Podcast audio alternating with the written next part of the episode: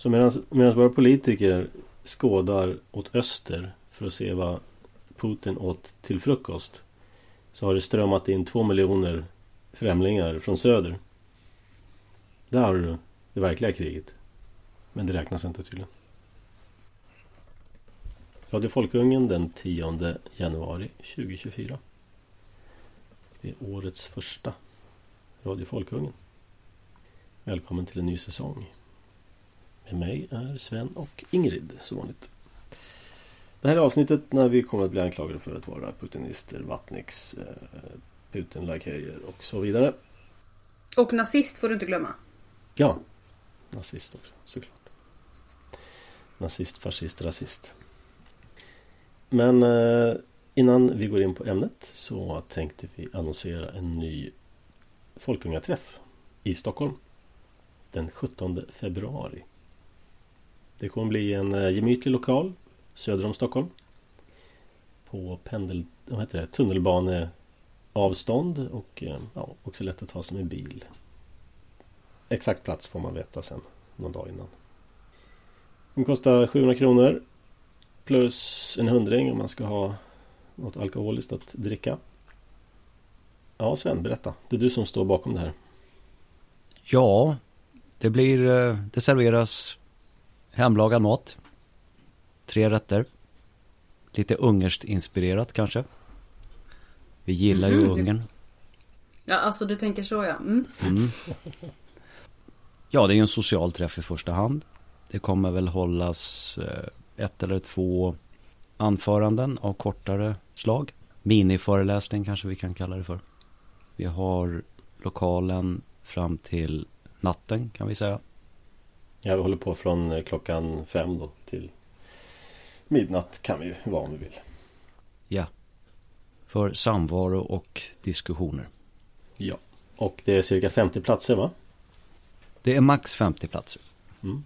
Så att uh, först är kvarn. Ja, det är lokalen som sätter den gränsen, inte vi. Utmärkt. Jo, sen är det också så att eh, innan den här eh, träffen så har vi en liten eh, aktiekurs. Ekonomi och aktiekurs på samma lokal. Klockan två börjar den. Eh, då får man lära sig lite grann, lite grundläggande nationalekonomi och aktiehandel. Och det här är på initiativ av eh, Rickard Dahlin, de som känner honom. Han har också varit engagerad i Mises-institutet. Då får man lära sig allt man behöver om att handla med aktier. Hur man tjänar och förlorar pengar på börsen. Och framförallt hur man tjänar mer än man förlorar. Eh, så att man kan slå två flugor i en smäll och gå på den, eh, den lilla kursen. Och därefter hänga kvar på träffen. Och det finns artiklar eller vad ska man säga, små texter, blänkare ute om det här med anmälningsformulär på hemsidan. Och den eh, lilla kursen kostar 400 kronor. Ingår lite mat också. Då så. Vårt stående tema, den gröna bubblan. Kan vi ju inte skippa. Det finns ju oändligt med historier varje dag men eh, den här intresserade mig. Northvolt den gröna bubblans galjonsfigur skulle man kunna säga. Eh, de skulle bygga en fabrik i Tyskland. Och då hotade de med att lägga ner planerna på den här fabriken. Det ska vara i Schleswig-Holstein. Och det var nämligen så att man kunde få mer pengar för att bygga fabrik om man bygger den i USA. Så då hotade de med att vi, vi drar till USA istället. Och då sa Tyskland Ja men ni kan få 10,5 miljarder kronor av oss stöd, statligt stöd. Och EU har godkänt detta. Synpunkter, kommentarer, tankar? Oj, det är väldigt marknadsstörande med den här typen av subventioner hela tiden. Det är tröttsamt. Är det det som driver den här gröna bubblan? Den lever ju på subventioner. Där köttgrytorna kokar, dit kommer de. Asätarna. Ja, det är ju båda ändar därför att det är ju också eh, politiska Eh, bannbullor som driver det här så kallade teknikskiftet. Elektrifieringen då. Hörde jag citationstecken där runt elektrifieringen? Ja, ja, ja. Det kan man det är nog påkallat att använda sådant. Men vad jag menar är att man fattar politiska beslut eh, som ska styra konsumenterna då i en viss riktning. Det vill säga de ska köpa elbilar. Det gör man då genom att ha skattelättnader eller subventioner och straffbeskattning på icke-elbilar och så vidare. Och sen så i andra änden då när man ska producera, när, när, när privat kapital framförallt då ska producera de här bilbatterierna så, så blir det så här tokigt som du beskrev nu. Så att det, det är verkligen privat och offentligt i, i samverkan på ett väldigt obehagligt och dåligt sätt.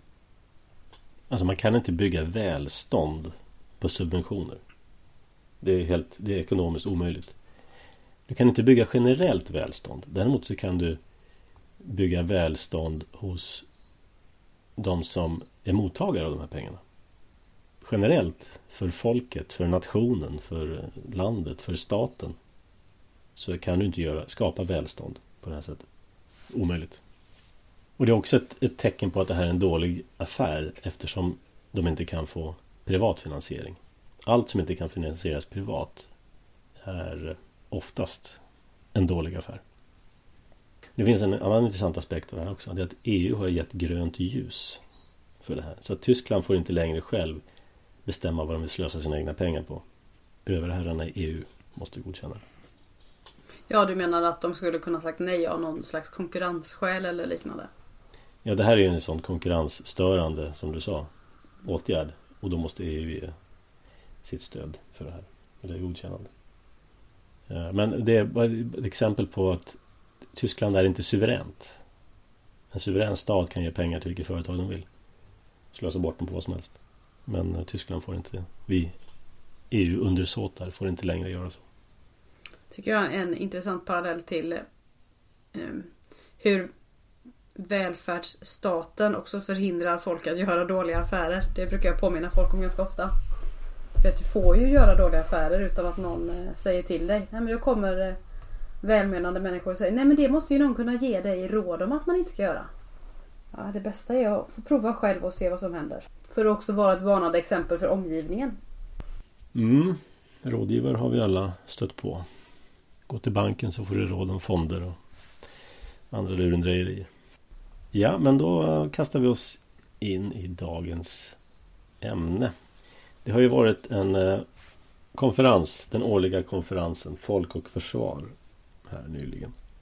Det här är en organisation som grundades 1940 av massa organisationer i civilsamhället. Alltså föreningar och politiska ungdomsförbund och andra. Eh, men den har med tiden då, och syftet var då att bygga broar mellan civilsamhället och eh, försvaret. Ja, inte minst när det gällde värnplikten då under det pågående kriget. Och som så mycket annat så har den här spårat ur den här organisationen. Man tittar på styrelseordföranden och styrelsen nu och senaste åren så är det begripligt. Jag minns inte när det var men det var bara ett, ett fåtal år sedan när den här konferensen kom fram till att det största hotet mot Sverige det var klimatförändringarna. Ja, Det, det säger någonting om på vilken nivå vi opererar här. Men det är alltså, det har inte jag koll på, men det vet jag ju nu då.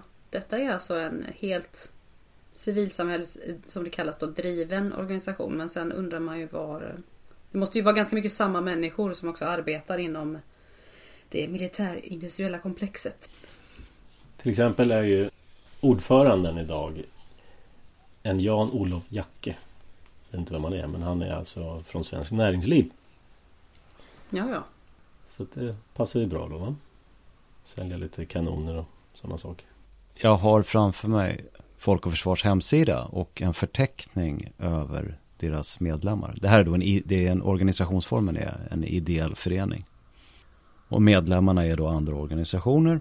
Och för att våra kära lyssnare ska, ska få liksom en, en eh, känsla för hur, vad som finns eh, i, i grund och botten i den här organisationen så tänkte jag läsa upp dem, några, några stycken här då. Och de, de står då i, i bokstavsordning.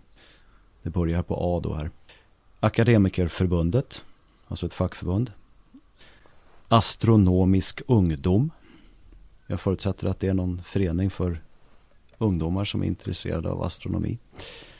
Brandmännens riksförbund, Brandskyddsföreningen Sverige, Bygdegårdarnas riksförbund, Centerkvinnorna, fackförbundet SD kommer längre ner, eh, Folksam, alltså det, det SOS-affilierade försäkringsbolaget. Vänta, du glömde Europeiska ungdomsparlamentet. Vad tusan det nu är för någonting. Oh, men inte det en sån där som man gör i skolor va, tror jag? Man, att man simulerar eh, Europaparlament. Tror jag vi var med i när jag gick i skolan. Ja, okej. Okay. Åh herregud. Ja, det är främmande makt alltså. Kan vi av, av, av, avfärda det med. Uh, så kommer sådana här som man då kan förvänta sig i och för sig då. Som, för att vi behöver ju inte bara vara negativa här. Vi, uh, Försvarsförbundet, Frivilliga Automobilkårernas Riksförbund. Ja, det låter väldigt rimligt. Ja, Frivilliga Flygkåren eh, frivilliga radioorganisationen. Så, så, att det finns ju både vin och vatten då. Så kommer eh, kooperat, alltså KF, Kooperativa Förbundet. Eh, LO, hur ger det mig? Eh, LRF. Ja, och så vidare. Så att det här är, det här är extremt spretigt och, och, och, och, påstå att det här skulle vara någon slags vettig representation av civilsamhället. Det, att, det finns ju inget folkligt. Om man tittar här på hemsidan blir det lite kul. Reservofficerarna och S-kvinnor, det känns inte som samma intressesfär. Det gick vilt till på efterfesten när S-kvinnorna och jag tillåter mig att skoja lite här. Jag tror att S-kvinnorna gillar reservofficerarna i smyg. Ja, ja, ja. Uniformer och grejer. Sen har vi då Svenska Bankföreningen. Det är också roligt. Jaha. Svenska FN-förbundet. Svenska kyrkan. Svensk Handel. Alltså det är VM i spännande grejer det här. Ja. Tur att du drog in oss på den här Sven. Sveriges arbetsterapeuter. Och brukshundsklubb. ja. Alla ska med. Alla är med. Nej, alla ska inte med. För jag lärde mig faktiskt häromdagen av en person, av en partikamrat till mig att en gång i tiden så ville SDU, som ju inte existerar längre, alltså det tidigare ungdomsförbundet i Sverigedemokraterna. De ville bli medlemmar i Folk och Försvar, men det fick de inte. Nej men det är väl klart att de inte fick. Nej men Ung Vänster är medlemmar. Ja, ja. De är pålitliga. Ja. Och Svenska Läkare mot Kärnvapen, vilken, det var också en speciell grupp. Ja, den här sidan ska man gå in på bara för att få se en märklig samling av organisationer. Men man kan ju säga så här att nu när den här konferensen har varit och den var väl, eh, den började i söndags. Eh, när vi spelar in det här så är det onsdag. Och den är avslutad nu så att den, utan att riktigt veta så misstänker jag att den höll på söndag, måndag, tisdag. Då, he, hela det svenska politiska etablissemanget var ju närvarande. Eh, en hel rad med myndighetschefer, representanter för kung, alltså kungen var där och kronprinsessan Victoria.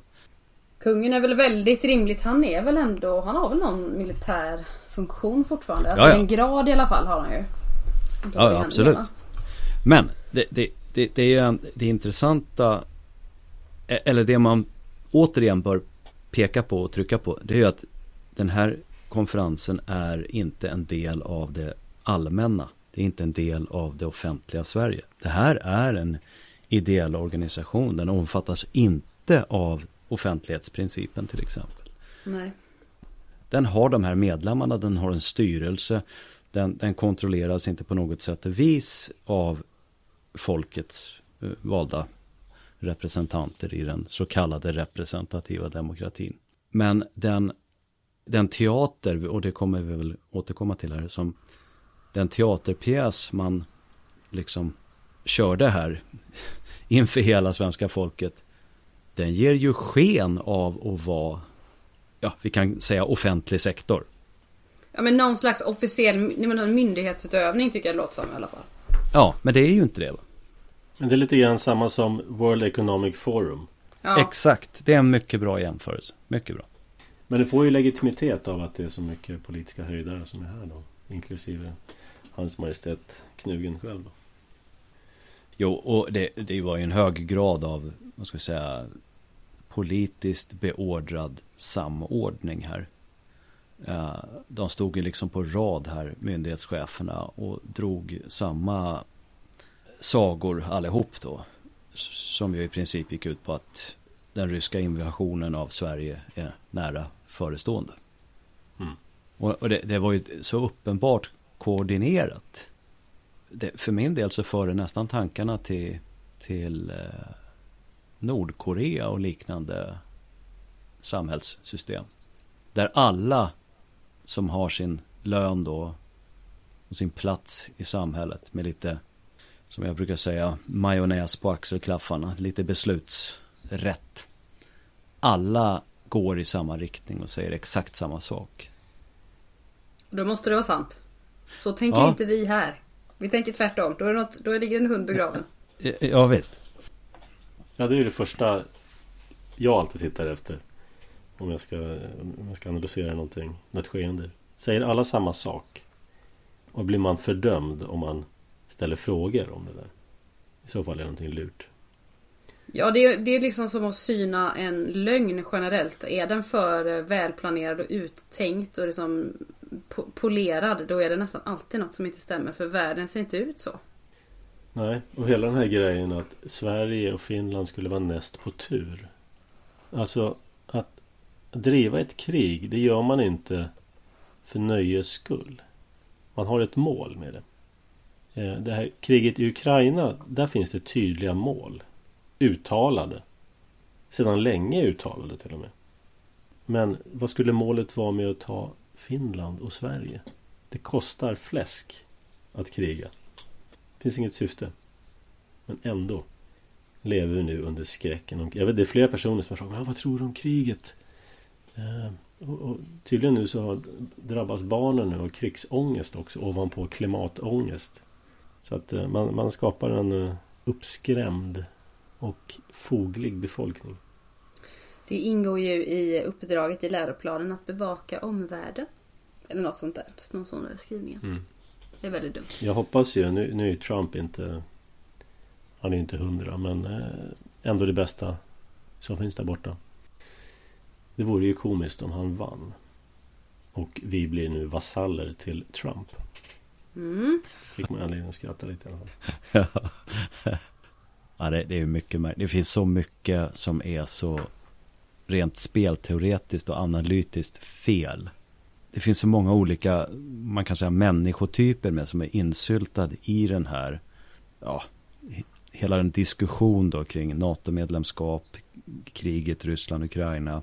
Ja, människotyper som var och en spelar liksom en roll i en pjäs. En är den här allmänborgerliga man 60 plus Eh, har minnen ifrån kalla kriget och var väldigt anti-Sovjetunionen då, vilket förstås var en bra sak då.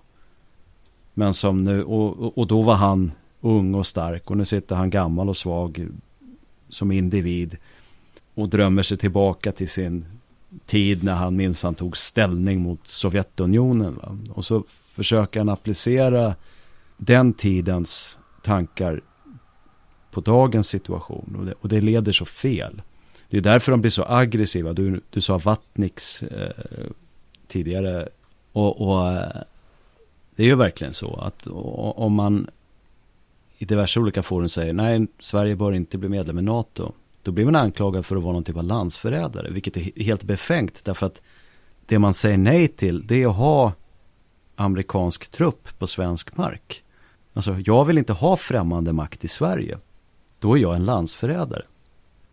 När, när du värnar ditt land så är du en landsförrädare. ja, ja visst. Ja, det är helt, helt fullständigt knäppt. Den här typen av människor, de är väldigt drivande i det här. Men sen så finns det de som faller in då jag menar som sossarna, de är ju väldigt, de, sossarna är ju egentligen motståndare till NATO. Jag är övertygad om att skulle man göra en vetenskapligt korrekt och rättvisande opinionsundersökning internt i, i, i, hos Socialdemokraterna skulle den visa ett mycket stort motstånd till NATO-medlemskap. Men de är också experter som, alltså som, det var väl Vilhelm Moberg som sa att sossarna har två bärande idéer. Att ta makten och behålla den. Så att, och det gör ju att de är ju fruktansvärda opportunister då. Och kan vända kappan efter vinden precis hur snabbt och, och hur som helst. Alla de här olika typerna då, de, de samlas kan man säga i, i folk och försvarskonferens. Och, uh, och, och så blir det så tokigt som det nu blev. Men vad var de största utkomsterna? Har du eh, tittat på sammandrag eller tagit del av något? Alltså Ulf Kristersson har ju vräkt ur sig en rad tokiga saker. Jag kan citera härifrån. Mycket gärna. Fria tider. Och då har statsministern sagt så här. Ytterst handlar det om att med vapen i hand och med livet som insats försvara Sverige, våra värderingar och vårt sätt att leva. Inte, inte mer och inte mindre. Medborgarskap är inte en resehandling. Det sista har han ju absolut rätt i. Att, uh, han, han, säger ju då, uh, om än lite diffust, uh, så säger han att medborgarskapet förpliktigar och, och, ska då ha ett, ett, högre värde. När insåg han det? Det undrar jag. Ja, precis. under galgen kan man väl säga då. Hans föregångare Reinfeldt tyckte ju att Sverige var det var inte svenskarnas land utan det var det tillhörde den som eh, var mitt i livet och tog chansen eller något sånt där. Jag kommer inte ihåg vad han sa ordagrant men Och så betala skatt. Det är, det är, det är kriteriet. Betalar man skatt. Precis. Då får man bo här. Eller får bidrag. Men det här väcker så många liksom eh, både frågor och både frågor och känslor i mig. Uh, jag, jag, tänker, jag tänker på mina mina barn då som är i, i, i den, de är of fighting age, vilket jag med mina snart 50 år inte riktigt är längre va. Han tycker alltså att, att de ska riskera livet med vapen i hand för våra värderingar och vårt sätt att leva. Mm. Och då vill jag påminna lyssnarna om att under Prideveckan så stod Ulf Kristersson och hissade regnbågsflaggan på sin flaggstång i, som han har hemma vid, då, i, vid villan i, jag tror han bor i Huddinge. Och det är inte förenligt med mina värderingar på något sätt och vis. En stor del av, av, av den styrande, den härskande klassen, de lever liv som jag anser vara förkastliga. Om det är vårt sätt att leva så är det absolut ingenting jag är beredd att acceptera att mina barn ska riskera livet för att försvara. Det skulle, vara, det skulle vara intressant att se en lista över våra värderingar. Ja men det har vi ju. Du kan ju läsa regeringsformen, du kan läsa våra läroplaner vi har då. Där, det, de är ju väldigt bra därför att eh, det är ju där, där står ju, där finns ju stipulerat hur man ska lära våra barn att bli de här goda medborgarna som har ett medborgarskap som inte är en resehandling. Alltså det är HBTQ, könsdysfori Demokrati Folkutbyte och sådana grejer då. Det är våra ja. värderingar som vi ska försvara. Precis. Den västerländska liberala demokratin tror jag är vad de kallar det nu för tiden. Det är väl sammanfattningen av allt det där. Ja. Jag skulle vilja se honom formulera det och uttala det. Det skulle vara komiskt. Ja, det hade varit verkligen en journalistfråga att ställa. Och vad är våra värderingar? Vad är det vi försvarar? Mm.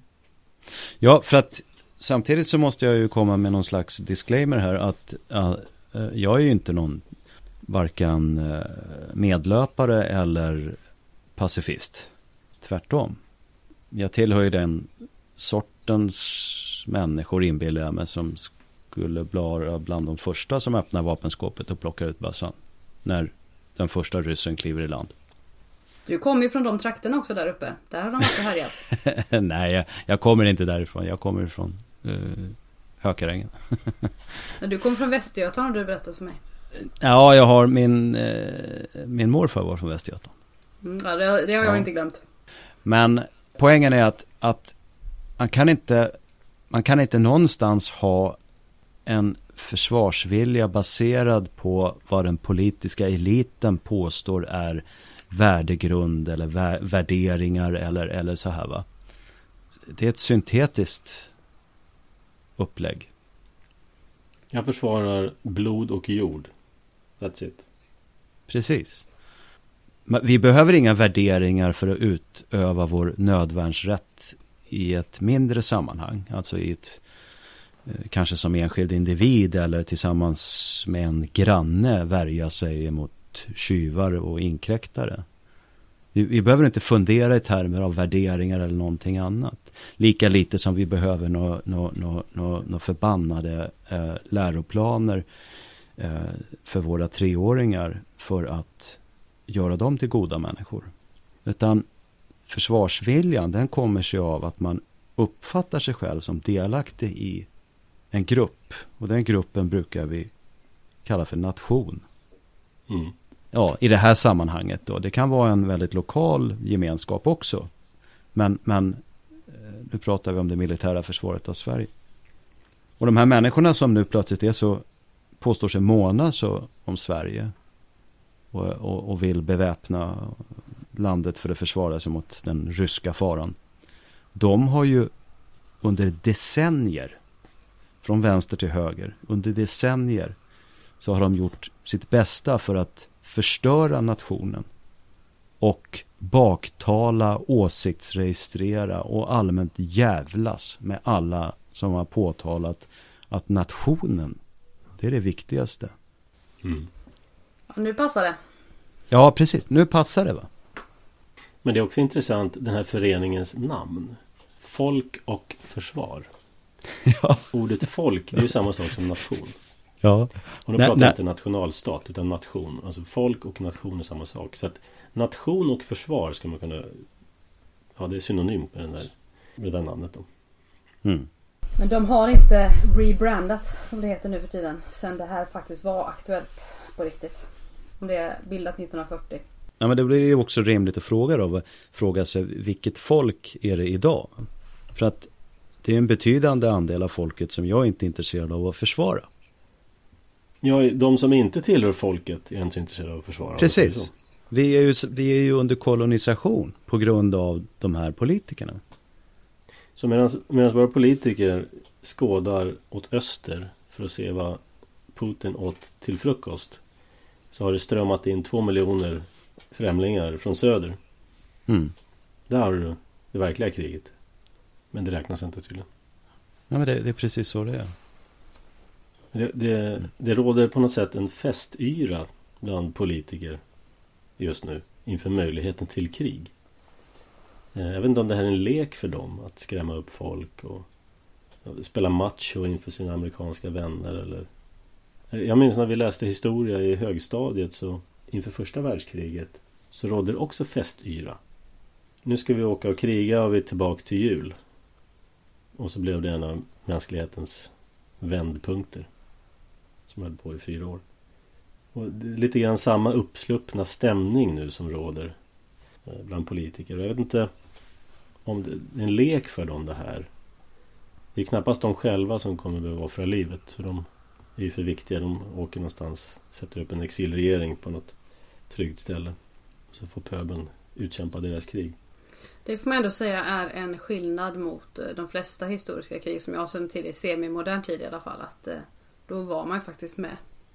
Gustav II Adolf var med på riktigt. Karl XI var med. Ja, det var ju riktiga ledare. Så att man gick ju i täten. Men... Eh, Sen är jag inte så säker på att de förde folkens krig heller om jag ska vara ärlig.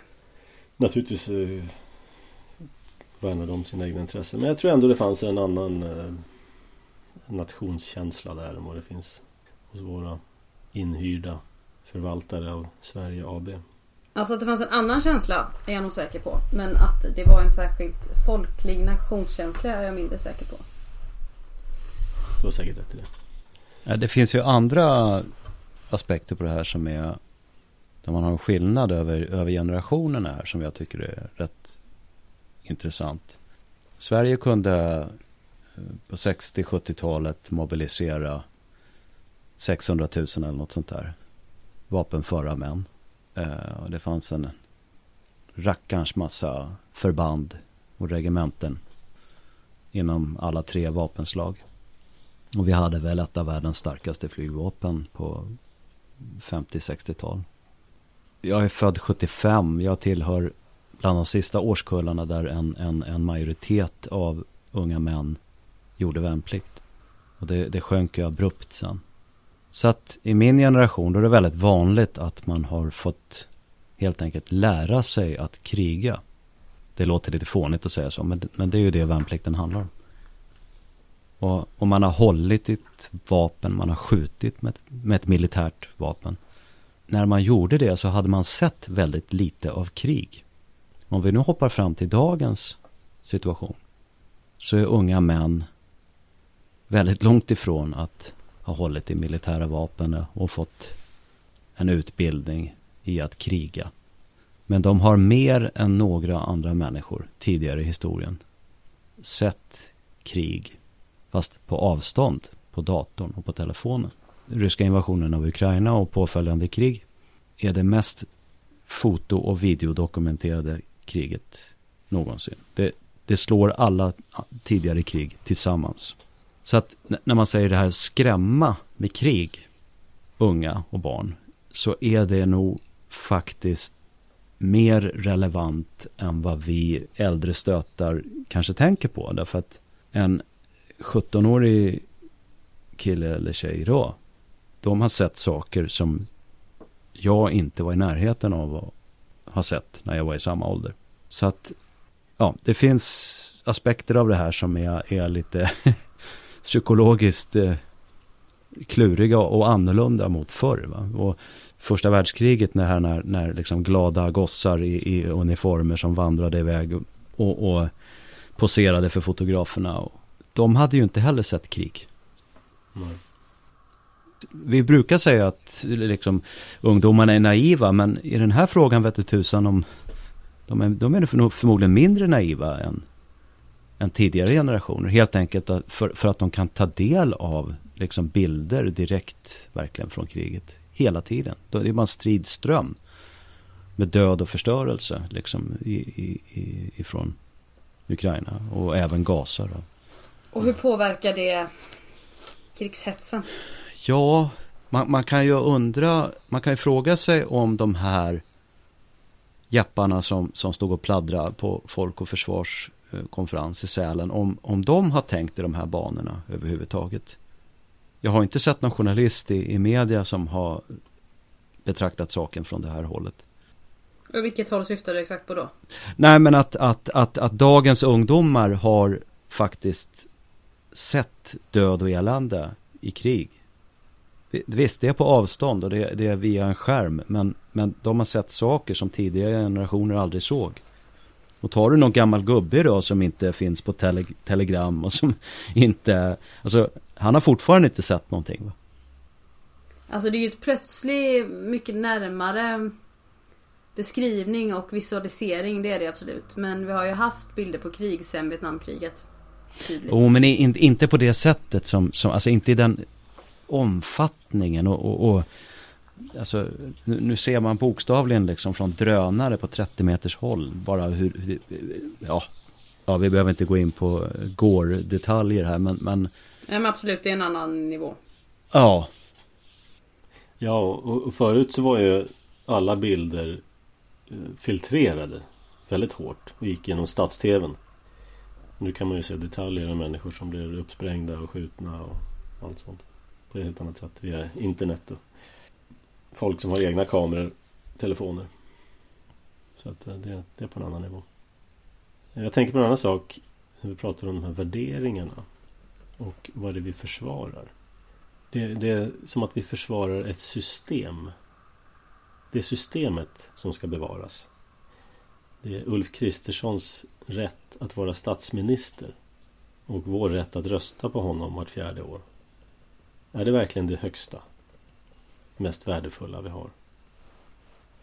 Det där har börjat klinga så enormt falskt för mig senaste... Jag, det har jag ju tyckt det länge men nu så här, kan folk verkligen fortsätta gå på det här när de säger det? Även vanliga människor som inte är så obstinat som jag är. Jag tror att de flesta människor inte reflekterar.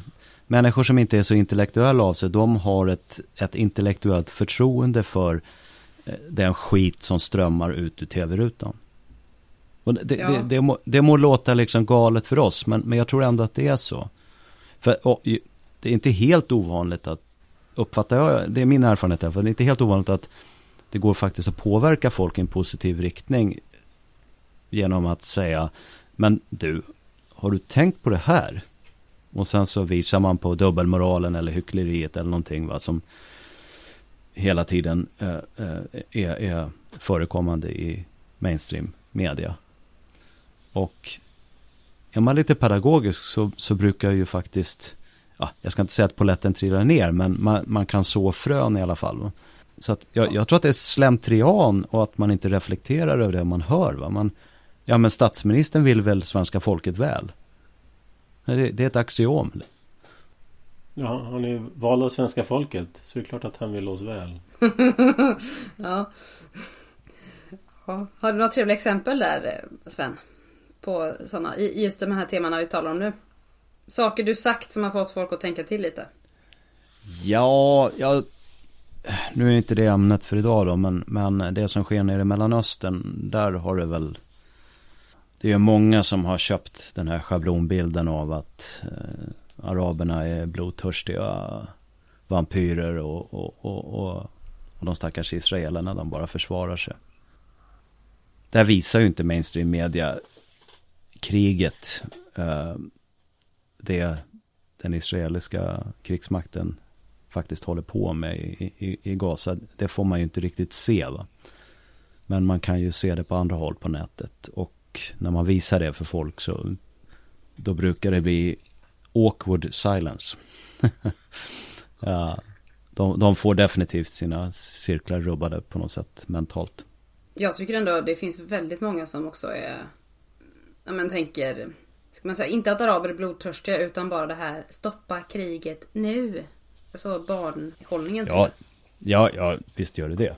Alltså, men det, det är ju allmänt så att det här, alltså en, en eh, att anlägga någon slags pragmatiska eh, synsätt som är grundfästa i någon slags verklighet. Det, det är ju tyvärr rätt så ovanligt. För mycket begärt. Ja.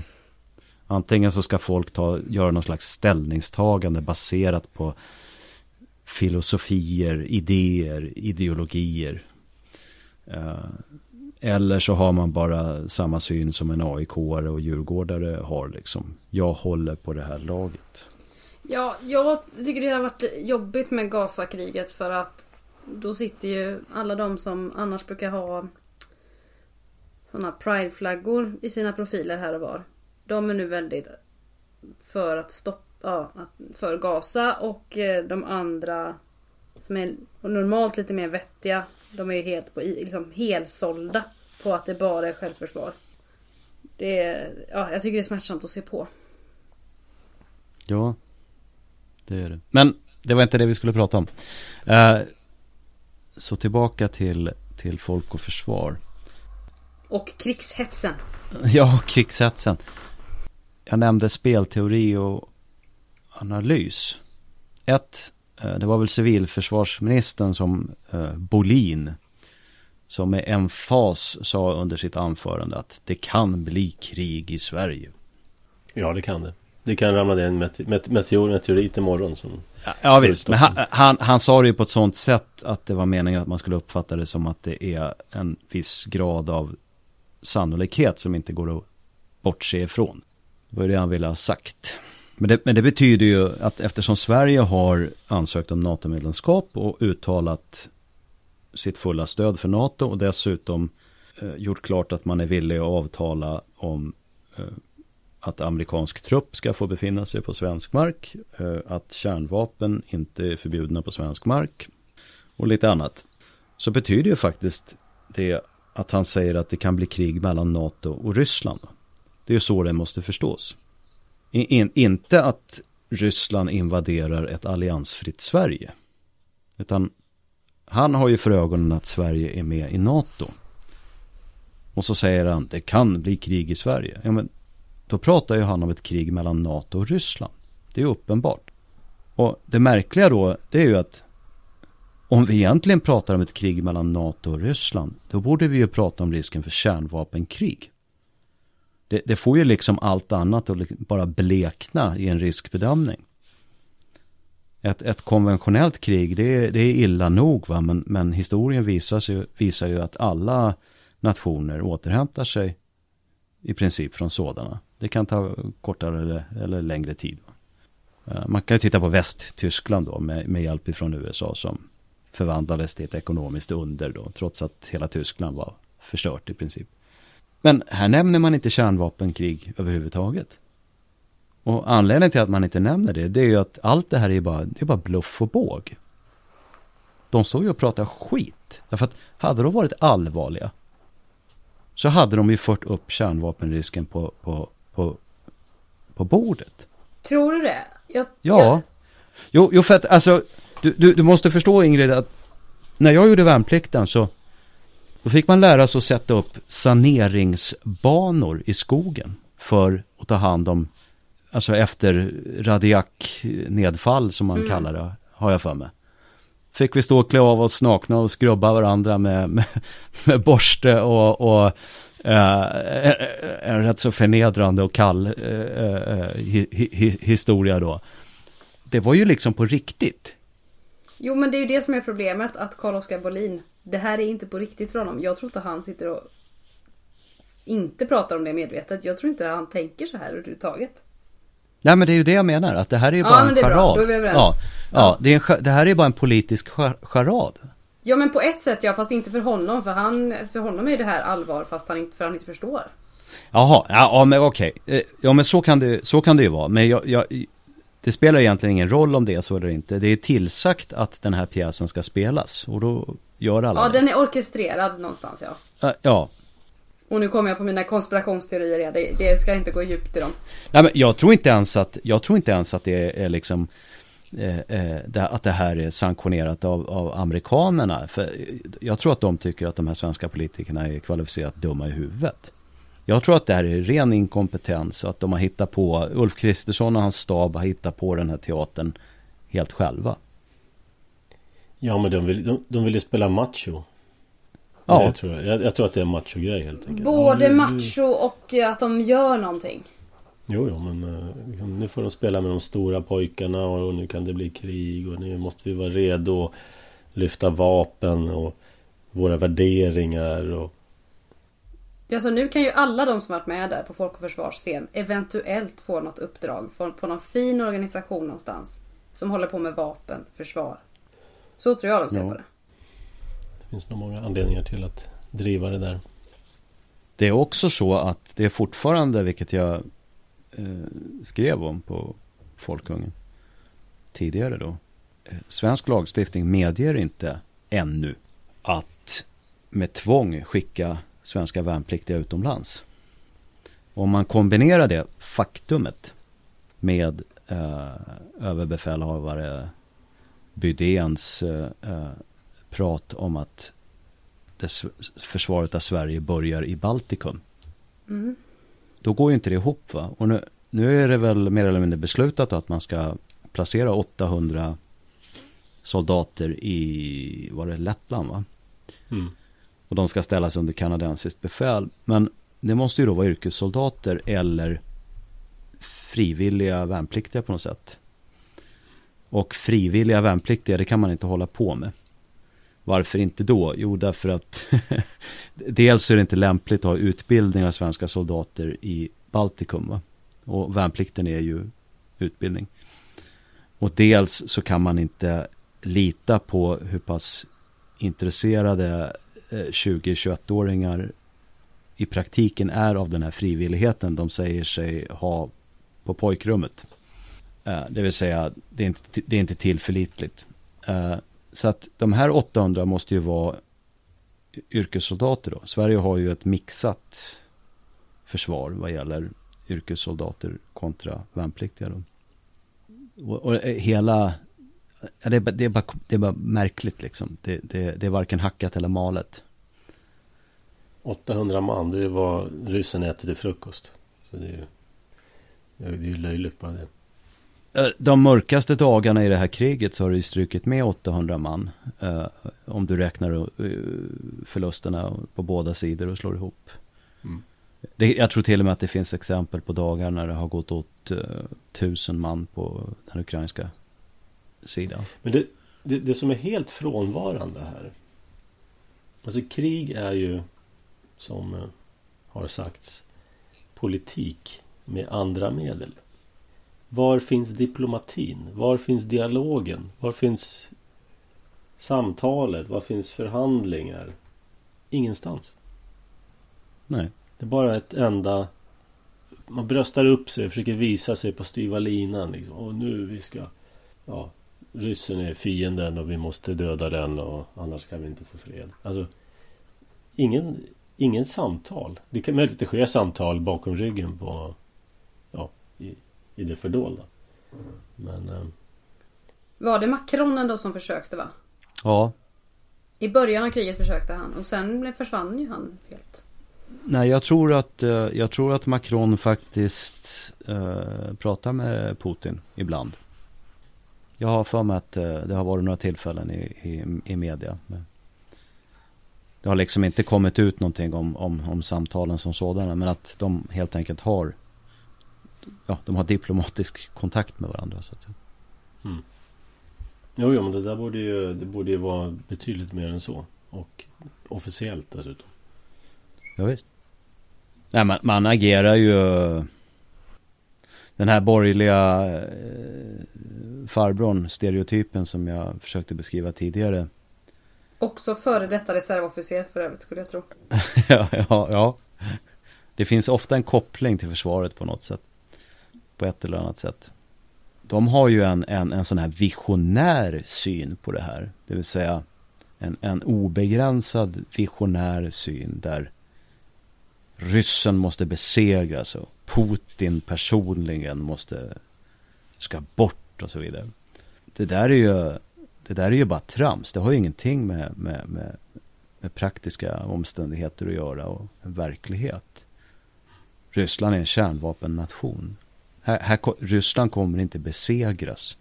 På sin höjd kan man med konventionell krigsföring tvinga tillbaka ryssarna bakom de gränser som var när kriget började.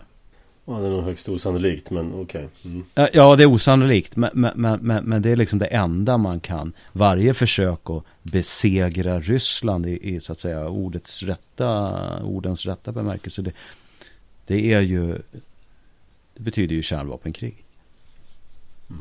Ja men det ingår i den amerikanska, eller den ryska kärnvapendoktrinen. Ja, Om vår stat är hotad. Vår suveränitet är hotad.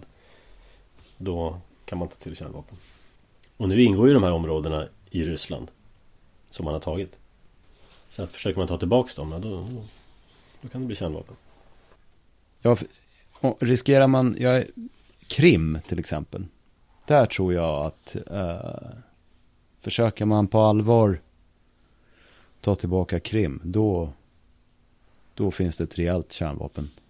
Ja men även de här andra områdena som man har tagit där man har haft folkomröstningar och anslutit sig till Ryssland.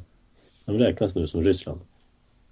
Så om de skulle tas tillbaka så tillåter så ingår det då i den ryska kärnvapendoktrinen att kärnvapen får användas. Mm. Så att det bara, det bara att glömma. Jo, det finns en, en, en till vinkel på det här som vi måste ta. Jag har nu Sveriges Televisions nyhetssida framför mig. Eh, Oh. Från 2 mars 2022. Så det här är snart två år gammalt. Då. Och då ska vi påminna om att kriget eh, bröt ut i februari 2022. Och också ska vi påminna om att eh, Kristersson var inte eh, statsminister ändå. Det blev han ju först i riksdagsvalet 2022. Det står då så här. M-ledaren Ulf Kristersson öppnar för kraftigt ökat flyktingmottagande efter krigsutbrottet. Och så står det då vidare att eh, FNs flyktingorgan bedömer att runt 4 miljoner människor kan komma att behöva, kan komma att behöva fly Ukraina. Uppemot 80 000 skulle kunna söka sig till Sverige. Nu blev det inte så många, har jag för mig. Eh, men det har ju kommit en hel del Ukraina. Men det är väl ännu fler än 4 miljoner? Ja, ja, ja. Men, men som kom till Sverige så blev det faktiskt inte, ja, det har kommit eh, några tiotusental eh, ukrainare till Sverige. Men, men det blev inte så många som jag och många andra befarade. De åkte ju igen också. Ja, och då åkte de nog till andra europeiska länder. Jag tror inte att de åkte hem. Det var uh, lite olika, men mycket så ja. Ja. Men det är ju massor som har tagit sig till eh, Polen, till Tyskland. Eh, ja, och vad är det då med det här? Ja, eh, Kristersson säger då här.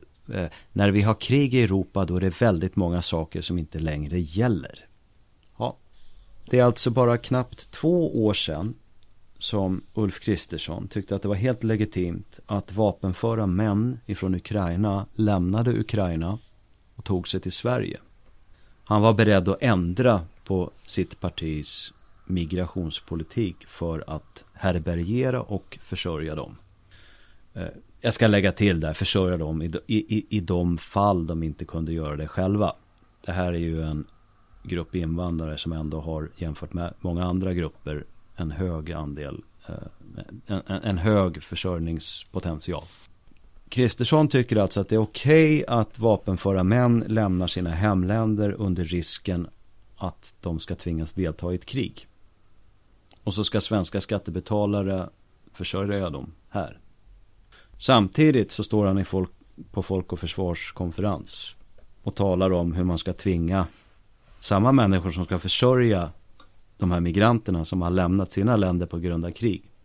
De skattehjonen ska han tvinga iväg och kriga i Baltikum.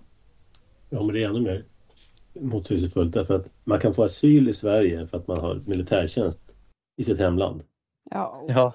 men i Sverige så ska vi tvingas kriga. Nej, men jag, jag tänker direkt när du tog det här exemplet nu Sven på eh, alla afghanska så kallade barn. Som också annars måste skickas ut i kriget om de åker hem. Ja. Ja, det är väl liksom rimligt att man försvarar sitt land om man nu är därifrån. Ja, ja. Vi, vi, kan, vi, vi, kan ju säga då att vi förstår ju naturligtvis att det är skillnad på olika krigsmakter i världen. Ja, ja på vilket sätt man hanterar den, den eventuella soldaterna ja. Ja, det, det, är nog liksom, får man välja mellan att vara soldat i Afghanistan och i Sverige så väljer man nog Sverige va? Ja, man väljer nog Sverige alla gånger kan man säga. Om man inte ja. absolut vill odla opium eller vad de håller på med där.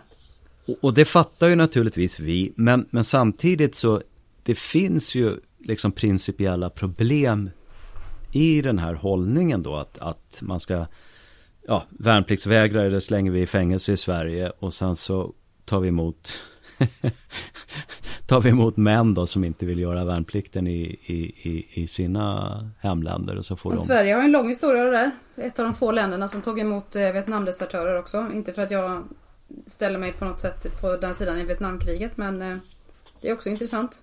Ja det är mycket märkligt. Så, så, så återigen, alltså ett, ett, ett, en nation kan bara försvara sig om det finns någon slags, vad ska vi säga, socio, sociokulturella strukturer i samhället som skapar den försvarsviljan.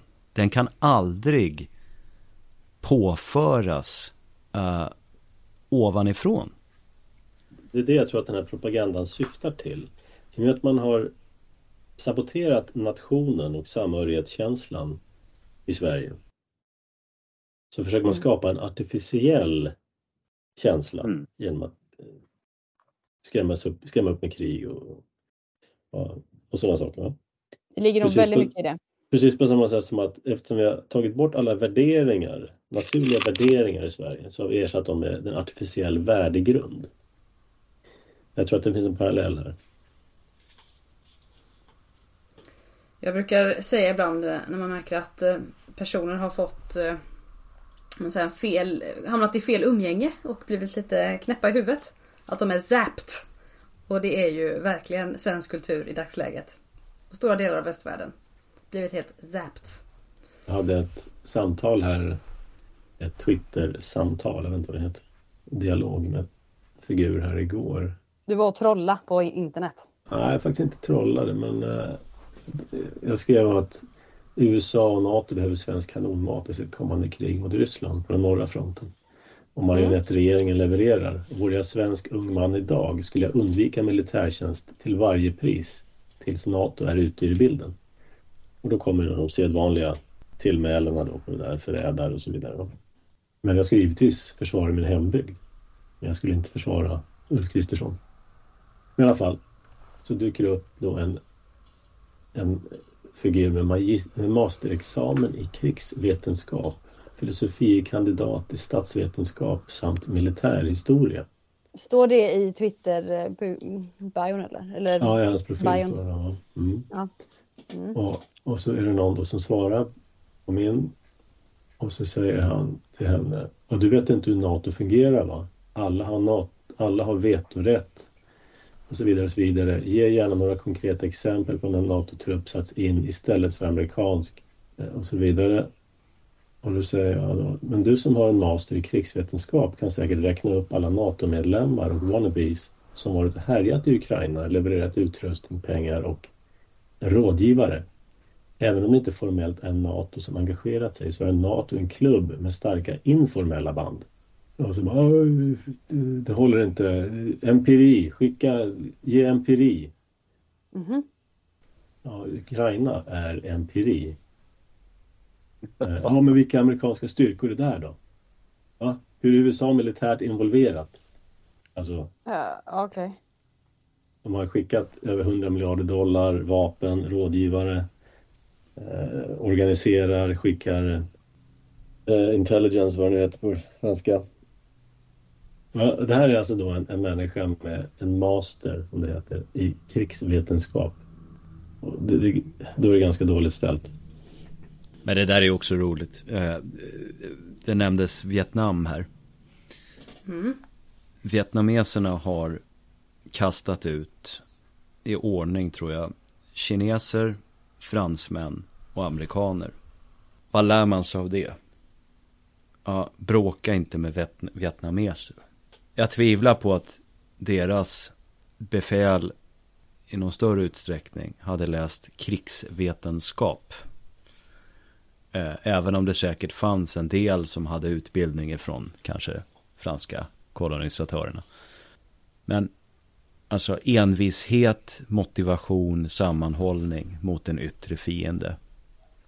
Som en yttre fiende, speciellt när, när, när denna visar en likgiltighet inför sin motståndares liv.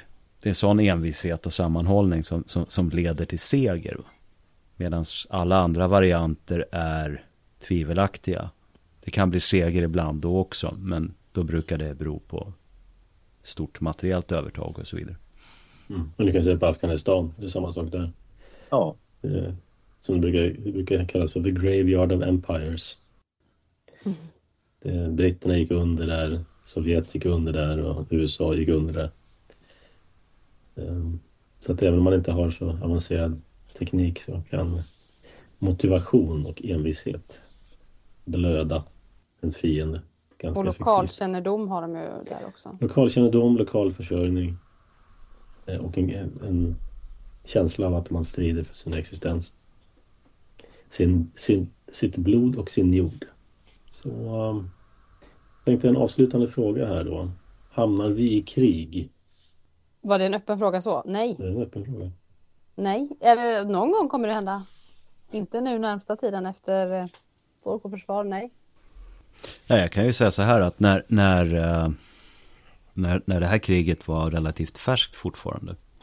Då kunde man läsa på Försvarsmaktens hemsida att de bedömde att risken för Sverige inte var förhöjd.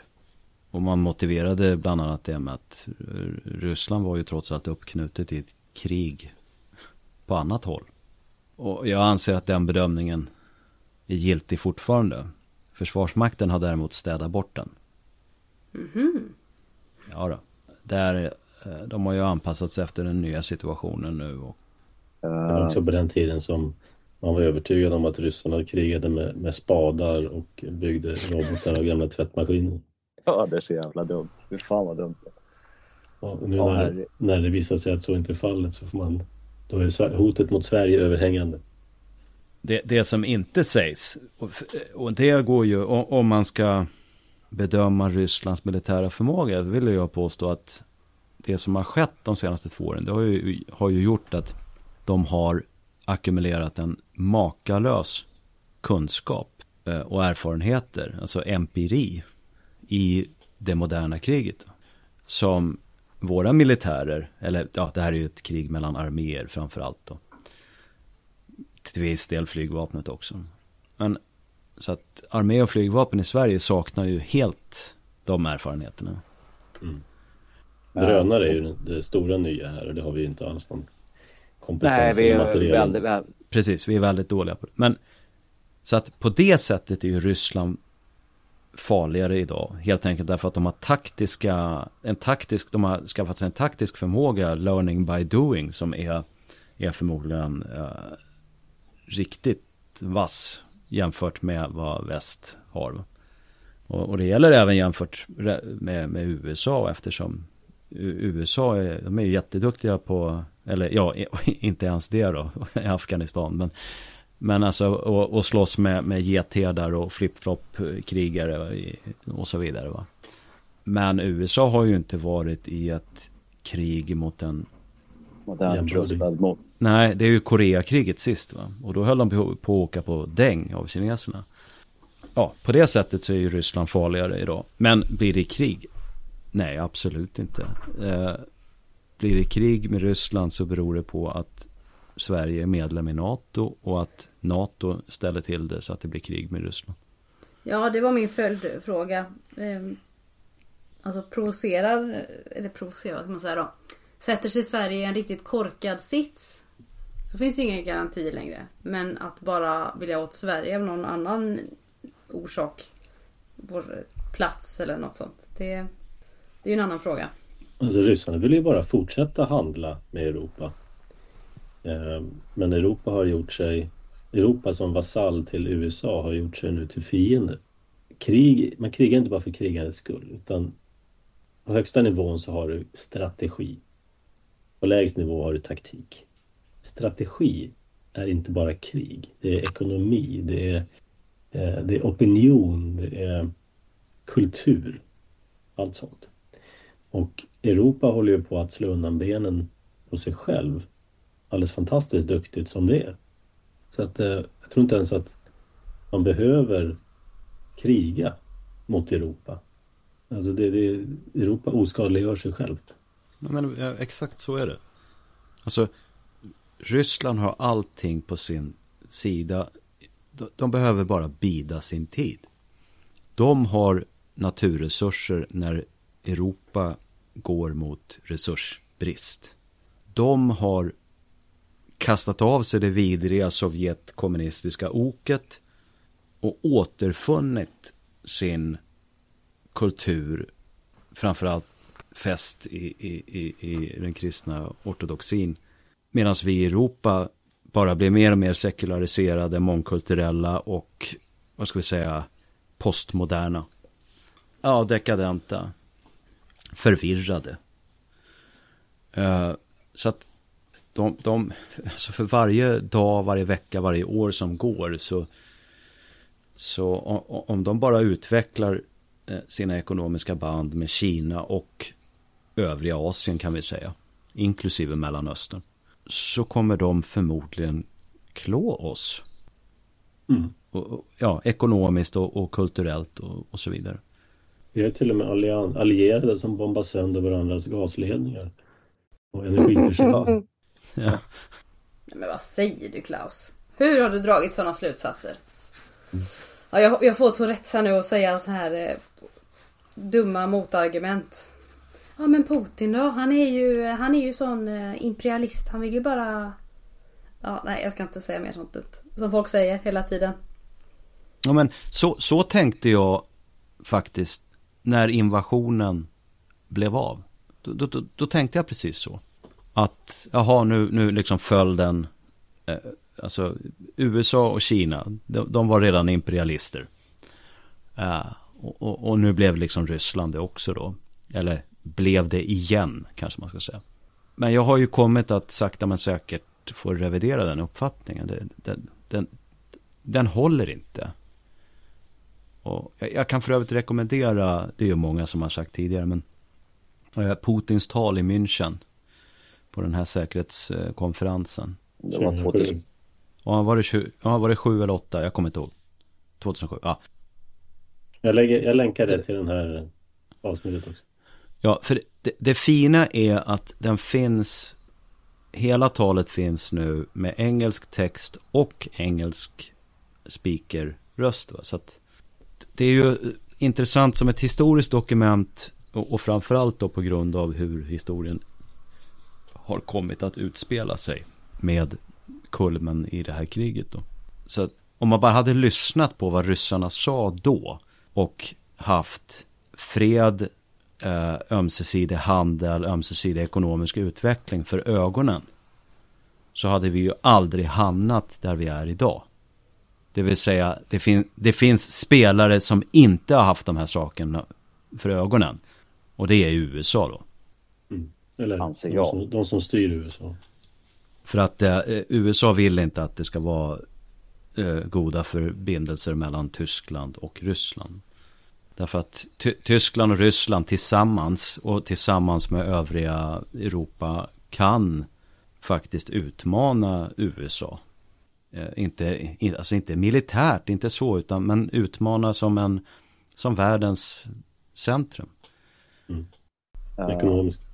Ja, skärma bort Ryssland från det, då faller alltihopa ihop för Europa. För att Europa har inte längre några naturresurser nog att upprätthålla sitt välstånd. Får man köpa dyr naturgas från eh, USA istället? Och så får man fattigpensionärer i Tyskland helt plötsligt. Va? Vilket är liksom en realitet. Hela EU-grejen är ju också en självmordssekt.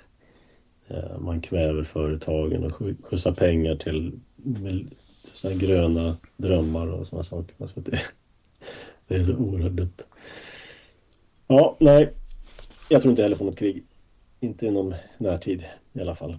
Det här är machogubbar som försöker spela macho. Tuffe Uffe och vad heter han nu? Vad heter försvarsministern? Tappar hans namn. Paul. Ja, han är ju också så enormt otuff. Ja, det kan vara att de kompenserar. Jag vet inte. Skrivbordskrigare.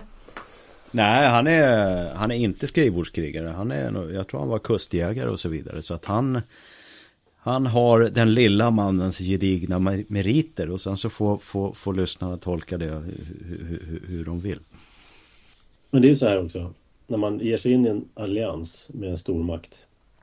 Då ska man komma ihåg att stormakten vill ju någonting.